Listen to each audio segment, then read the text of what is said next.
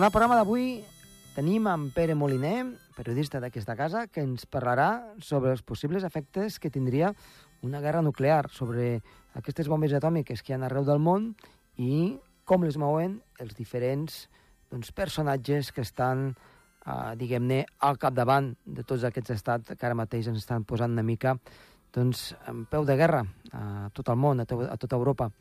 En parlarem d'això, també parlarem de com podria afectar-nos des del punt de vista, en aquest cas, d'un hivern nuclear. Som-hi!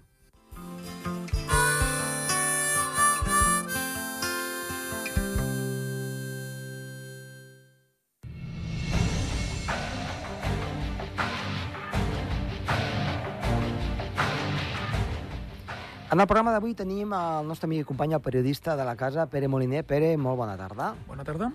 Doncs avui eh, volem parlar d'un tema que crec que és prou important, un tema que té a veure doncs, amb els darrers aconteixements de les darreres jornades, eh, podríem dir, veurem si s'allarga molt més, que és doncs, el tema de, que està succeint entre Rússia i Ucrània, i volem parlar de les armes nuclears, de la seva incidència, del seu perill i el que ens pot aportar tant des del punt de vista, en aquest cas, eh, climàtic, com, com també des del punt de vista social.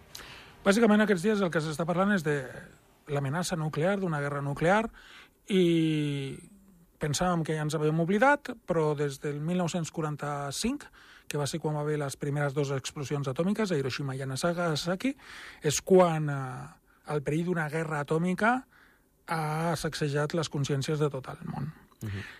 La versió molt curta és és improbable que hi hagi una guerra nuclear, però des del 1945 mai ha estat impossible. Mai. Per què?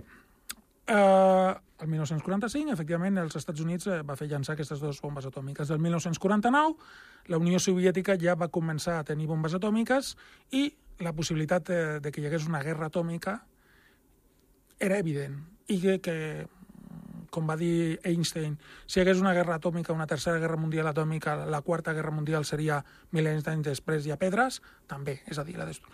Per què? Doncs perquè la gran cendra que aniria a l'horitzó, eh, el gran extermini de la vida, la ciència-ficció ha fet abastament molts panorames apocalíptics i és evident de que potser no seria una guerra atòmica en dotzenes, centenars de bombes, ja no vull ni pensar en milers de bombes atòmiques esclatades, significaria el fi de la civilització tal i com la coneixem. Uh -huh. El fi de la raça humana i de la vida del planeta, doncs hi ha potencial. Això, en 76 anys, eh, ha estat a punt de passar com a mínim dues vegades. Segurament més. Uh -huh. Però hi ha dues vegades en què ha estat evidentíssim. El 1962 la Unió Soviètica va decidir ficar bombes, míssils nuclears a Cuba, a l'amagat, amagant, amagant-ho als Estats Units. Els Estats Units ho van descobrir gràcies a una espia i van bloquejar Cuba. Havia un submarí nuclear, aquesta història l'he explicat moltes vegades perquè val la pena. Un submarí nuclear es va quedar aïllat i va ser atacat per vaixells nord-americans. Només tenia un míssil nuclear per respondre i no tenien ràdio. Uh, necessitaven uh, el permís de tres dels comandants de la nau, comandant militar, el comandant polític i el comandant més estrictament tècnic, i no es va llançar per, uh, perquè un dels tres, un tal Karpov, va dir que no. Un militar soviètic, repeteixo.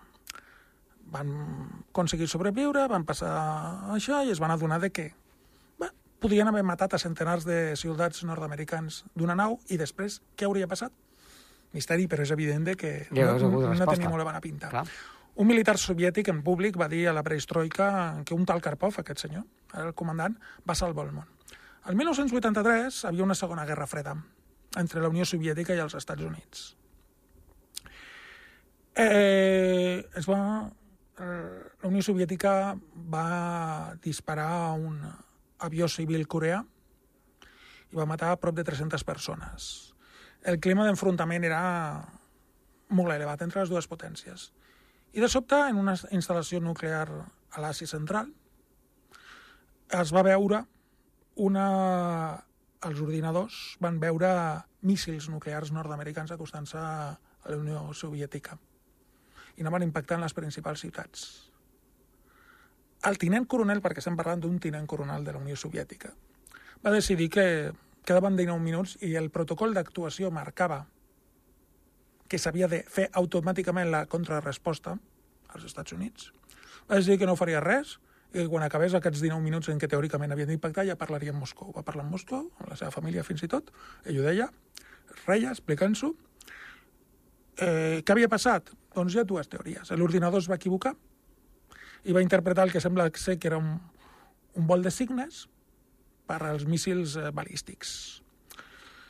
Aquest senyor no va ser ni degradat ni ascendit. Va tenir continuar i fins i tot s'hi han fet documentals. No és un secret. Va ser un secret en aquella època, però no és un secret. Per tant, dos militars soviètics van salvar. En un cas podríem dubtar-ho, no ho sabem, en lo de Cuba, però en l'altre cas, evidentíssimament, ens han salvat de la guerra nuclear. Uh, hi ha hagut molts més incidents i en aquests 70... Quan va caure, va caure la Unió Soviètica, mai millor dit, ens pensàvem que la guerra nuclear ja s'havia acabat. Uh -huh. El somni. Havien unes 50.000 bombes atòmiques i es van fer diversos acords uh, per desnuclearitzar el món. Es van rebaixar els míssils. És veritat que hi ha uns 8, 9, 10 estats al món que tenen uh, míssils atòmics, però ja ara enllacem amb el present. Alguns estats, uh, la Federació Russa, el, el successor uh, de la Unió Soviètica, va convèncer, gràcies als Estats Units i altres, i, i el que abans era la comunitat europea, i ara la Unió Europea va convèncer alguns estats de, de l'antiga Unió Soviètica que renunciessin a les seves armes nuclears perquè així la zona seria més pacífica. Estem parlant de Bielorússia, del Kazakhstan i Ucraïna. Ucraïna va renunciar als acords de Budapest de 1994 a les eh, bombes atòmiques perquè així de totes maneres se li garantiria una certa integritat territorial. Greu error. Eh, jo, és una opinió teva que comparteixo, però jo de moment estic explicant els fets. Llavors, en aquests 76 anys, eh, Corea del Nord eh, sembla ser que té armes nuclears, Israel té armes nuclears, uh -huh. eh, França. França i el Regne Unit tenen armes nuclears, Xina... Llavors, la integritat territorial de l'únic estat que ha tingut armes atòmiques que ha perillat en aquest temps, integritat territorial de veritat, Uh -huh. ha estat el de la Unió Soviètica. Però vaja, independentment d'això, Corea del Nord, el règim de Corea del Nord, mm, podria reaccionar si se l'ataqués amb armes nuclears. Uh, clar, llavors, ara anem, tornem al present. Tornem al present.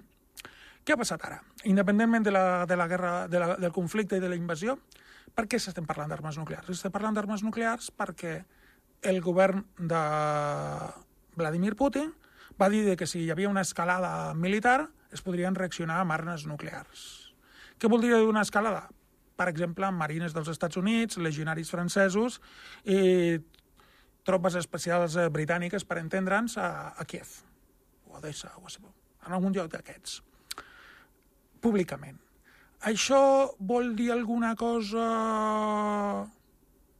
Vol dir que hi haurà?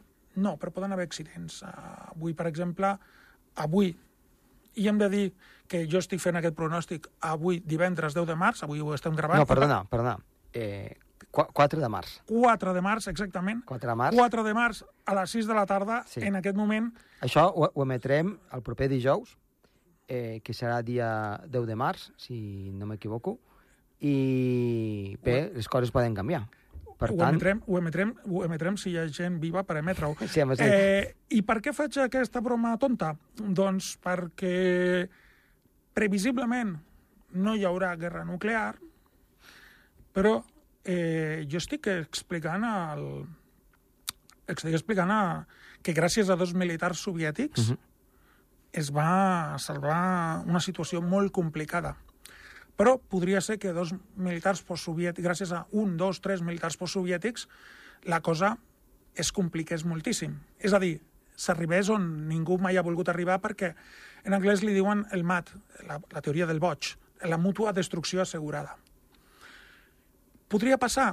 Doncs hi ha una cosa que ens, hem de, ens ha de preocupar molt.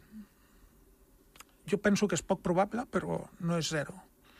Inferior al 10% de probabilitats, és a dir, el 90% de probabilitats Sí. de que el 10 de març hi haurà vaig explicar el fet, no, la, no les intencions Si psicològiques. possibilitats, eh, com parlem en meteorologia, possibilitats és del 0 al 30% és possible.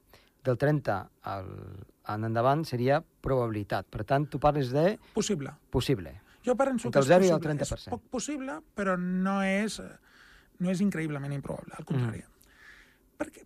Per lo que he dit, el motiu psicològic, però hi ha un altre motiu pràctic militar. Eh, hi ha dos tipus de míssils nuclears. La Unió, Sovi la Unió Soviètica, no va dir, m'he equivocat. Federació El, el, conscient, el subconscient m'ha traït. La Rússia, que en certes maneres sembla ser que vulgui ser postsoviètica, vulgui tornar a la Unió Soviètica, té 6.000 armes nuclears. Els Estats Units té unes 8.000 o 9.000. El 90% de les armes nuclears les tenen Rússia i els Estats Units. Molt bé.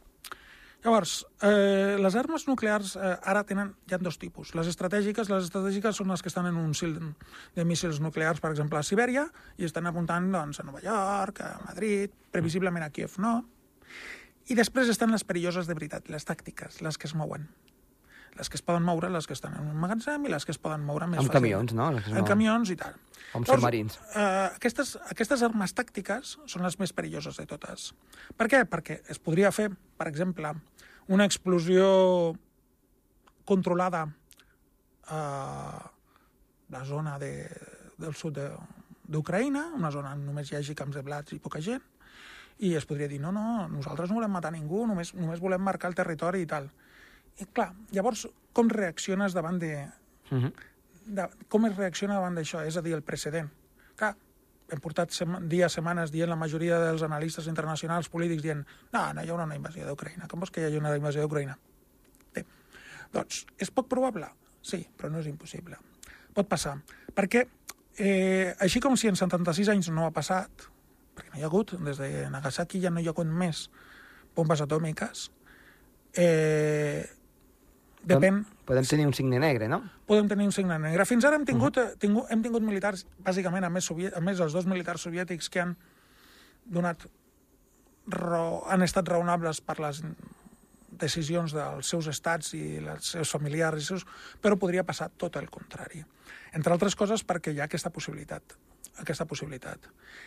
També és veritat una altra cosa, que és un factor molt humà, que és uh, que, els, uh, que els accidents succeeixen.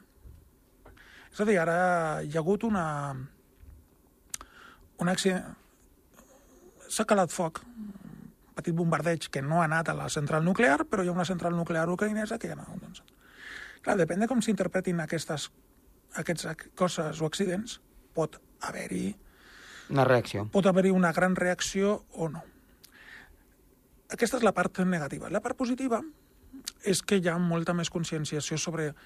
Ara estàvem parlant sobre l'escalfament global i sobre uh -huh. la guerra nuclear i hi ha una mentalitat molt més pacifista, és a dir, la mentalitat eh, de la comunitat occidental en Rússia ha estat, eh, de moment, de moment només parlar de sancions econòmiques i bé, tot això, és a dir, hi ha una, aquesta mentalitat més pacifista, més, aquesta mentalitat més pacífica a nivell mundial eh, de les darreres dècades també té el seu pes.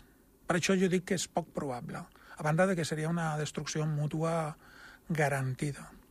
Però en moments de bogeria, torno a repetir-ho, en moments de bogeria o de, els errors succeeixen. Hi ha una novel·la, faré l'espoiler, però ho sento, però val molt la pena dir-ho, que es diu Mai, que ja és un títol irònic, del Ken Follett, dels Pilars de la Terra, que parla sobre com podria acabar esclatant uh, un conflicte nuclear, ja dit al final. Molt bé. Entre Xina i Estats Units. Xina i Estats Units.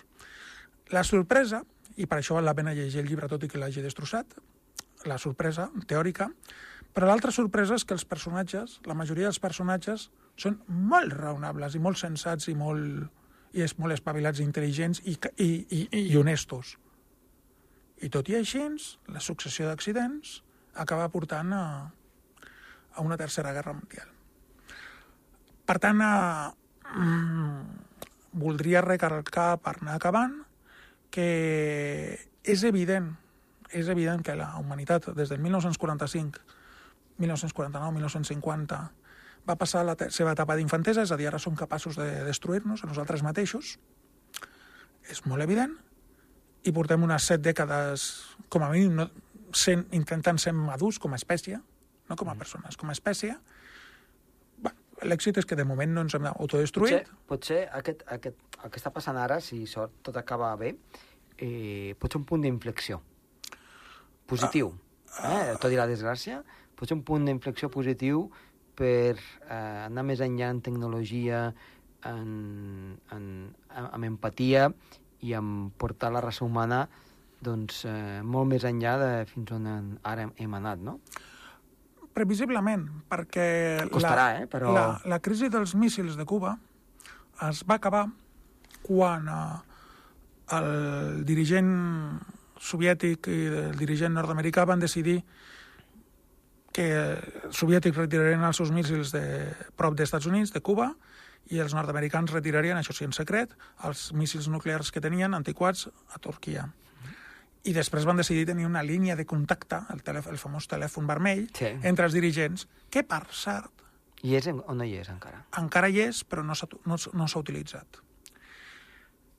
Explica'ns, abans de continuar, eh? què és el telèfon vermell perquè la gent eh, més jove ho sàpigui. Eh, la versió és una cosa més complicada, però en realitat és un telèfon, és un telèfon que connecta directament la Casa Blanca, la presidència dels Estats Units, amb el Kremlin. Uh -huh. I per casos d'emergència com aquests que puguin dialogar els dos líders. I l'única part trista d'aquest missatge que volia ser optimista és de que en aquests darrers 10 dies no s'ha utilitzat en cap moment per les dues parts. Potser perquè encara no ho han vist tan... tan no s'han vist tan apurats, no?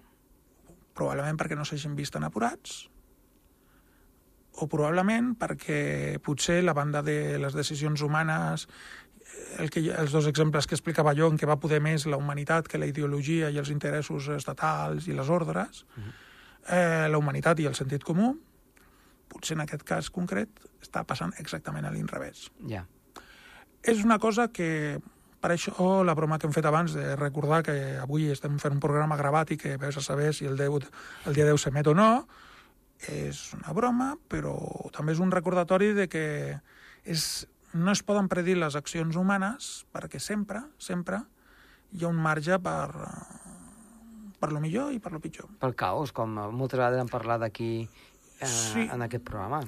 Pel caos, pel caos. I el caos pot ser, en el cas aquest, aquest militar, aquest tal Karpov que va salvar el món segons el seu antic superior, Uh -huh. o el tinent coronel aquest, o pot ser tot el contrari.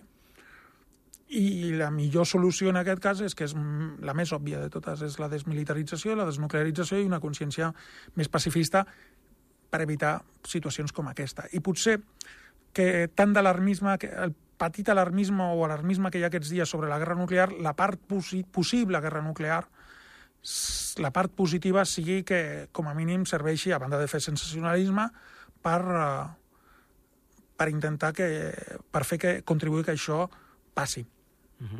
Voldria parlar eh, un momentet, doncs, hem parlat una mica doncs, de la situació, eh, diguem-ne, político-social i geopolítica doncs, que està succeint, eh, una mica dels efectes de que doncs, eh, aquestes armes eh, explotessin el que podia passar, tu que doncs, has llegit molt sobre el tema, eh, en, en el que és el clima global. Eh? Com, què, què és el que diuen els experts? Hi ha una pel·lícula nord-americana que va influir molt, que es deia The Day After, el dia després, Mm -hmm. en què explicava, bàsicament era això. Hi ha hagut altres, però aquesta, ho dic perquè era una pel·lícula seriosa, comercial, uh, i va tenir un cert impacte en la seva època, als anys 80. Uh, explicaré la pel·lícula bàsicament perquè va haver... Eh, el concepte de l'hivern nuclear, eh, que, el que va passar amb els dinosauris, va sorgir perquè el científic Carl Sagan va voler investigar què podria passar amb un, amb un possible esclat atòmic. I llavors, Exacte. llavors es van adonar que dient que l'esclat atòmic, amb, amb una mica de sort no ho sabrem mai, però amb els dinosauris va passar una mica així. Què passa? L'exemple aquest de Day After. Hi ha una ciutat que, prop de Kansas, eh, crec que era Independence, és igual, una ciutat de 50.000 habitants que explotava. A banda de la, perquè té la, la base atòmica de míssils nuclears, llavors la radiació mata molta gent, però a la radiació s'escampa, fa la cendra a l'horitzó, augmenten els casos de càncer abans de, de les mutacions, i el clima es tornaria més fred, evidentment. Més, més desastres... Però voldria recordar una cosa, un matís, és cert, seria un drama i tal, però hem de recordar que des del 1945 s'han, eh, hi ha hagut una, han explotat una, un miler de bombes a, al món. Són les proves atòmiques. Sí. Vol dir això, vol dir de que hem tirat molta radiació al món i que al planeta i de que el planeta probablement una altra cosa és la raça humana, però que el planeta aguantaria més, eh, molt més les barbaritats que nosaltres li sotmetéssim del que ens pensem. Per tant, seria, cosa- seria un constipat i s'acabaria curant, no? seria més aviat una Covid, mai millor dit. Mm. Uh, seria molt més aviat, molt més greu. Però, un constipat. Però, però, eh, torno a dir-ho, per la humanitat no, perquè estem molt interdependents, eh, ja sabem si durant si ja ens col·lapsem quan a internet no funciona durant hores, imagina't el que passaria si Mhm. el subministrament elèctric, molta gent morta... Vull dir, això és el clàssic de potser no seria el fi d'una humanitat ni tan sols de la vida del planeta, potser, però sí que seria el fi de la civilització com la coneixem. Doncs Pere, eh, esperem tornar-nos a veure eh, aquest dia 10 de març en què s'està emetent aquest programa i t'esperem en properes vegades. Moltes gràcies. Adéu-siau.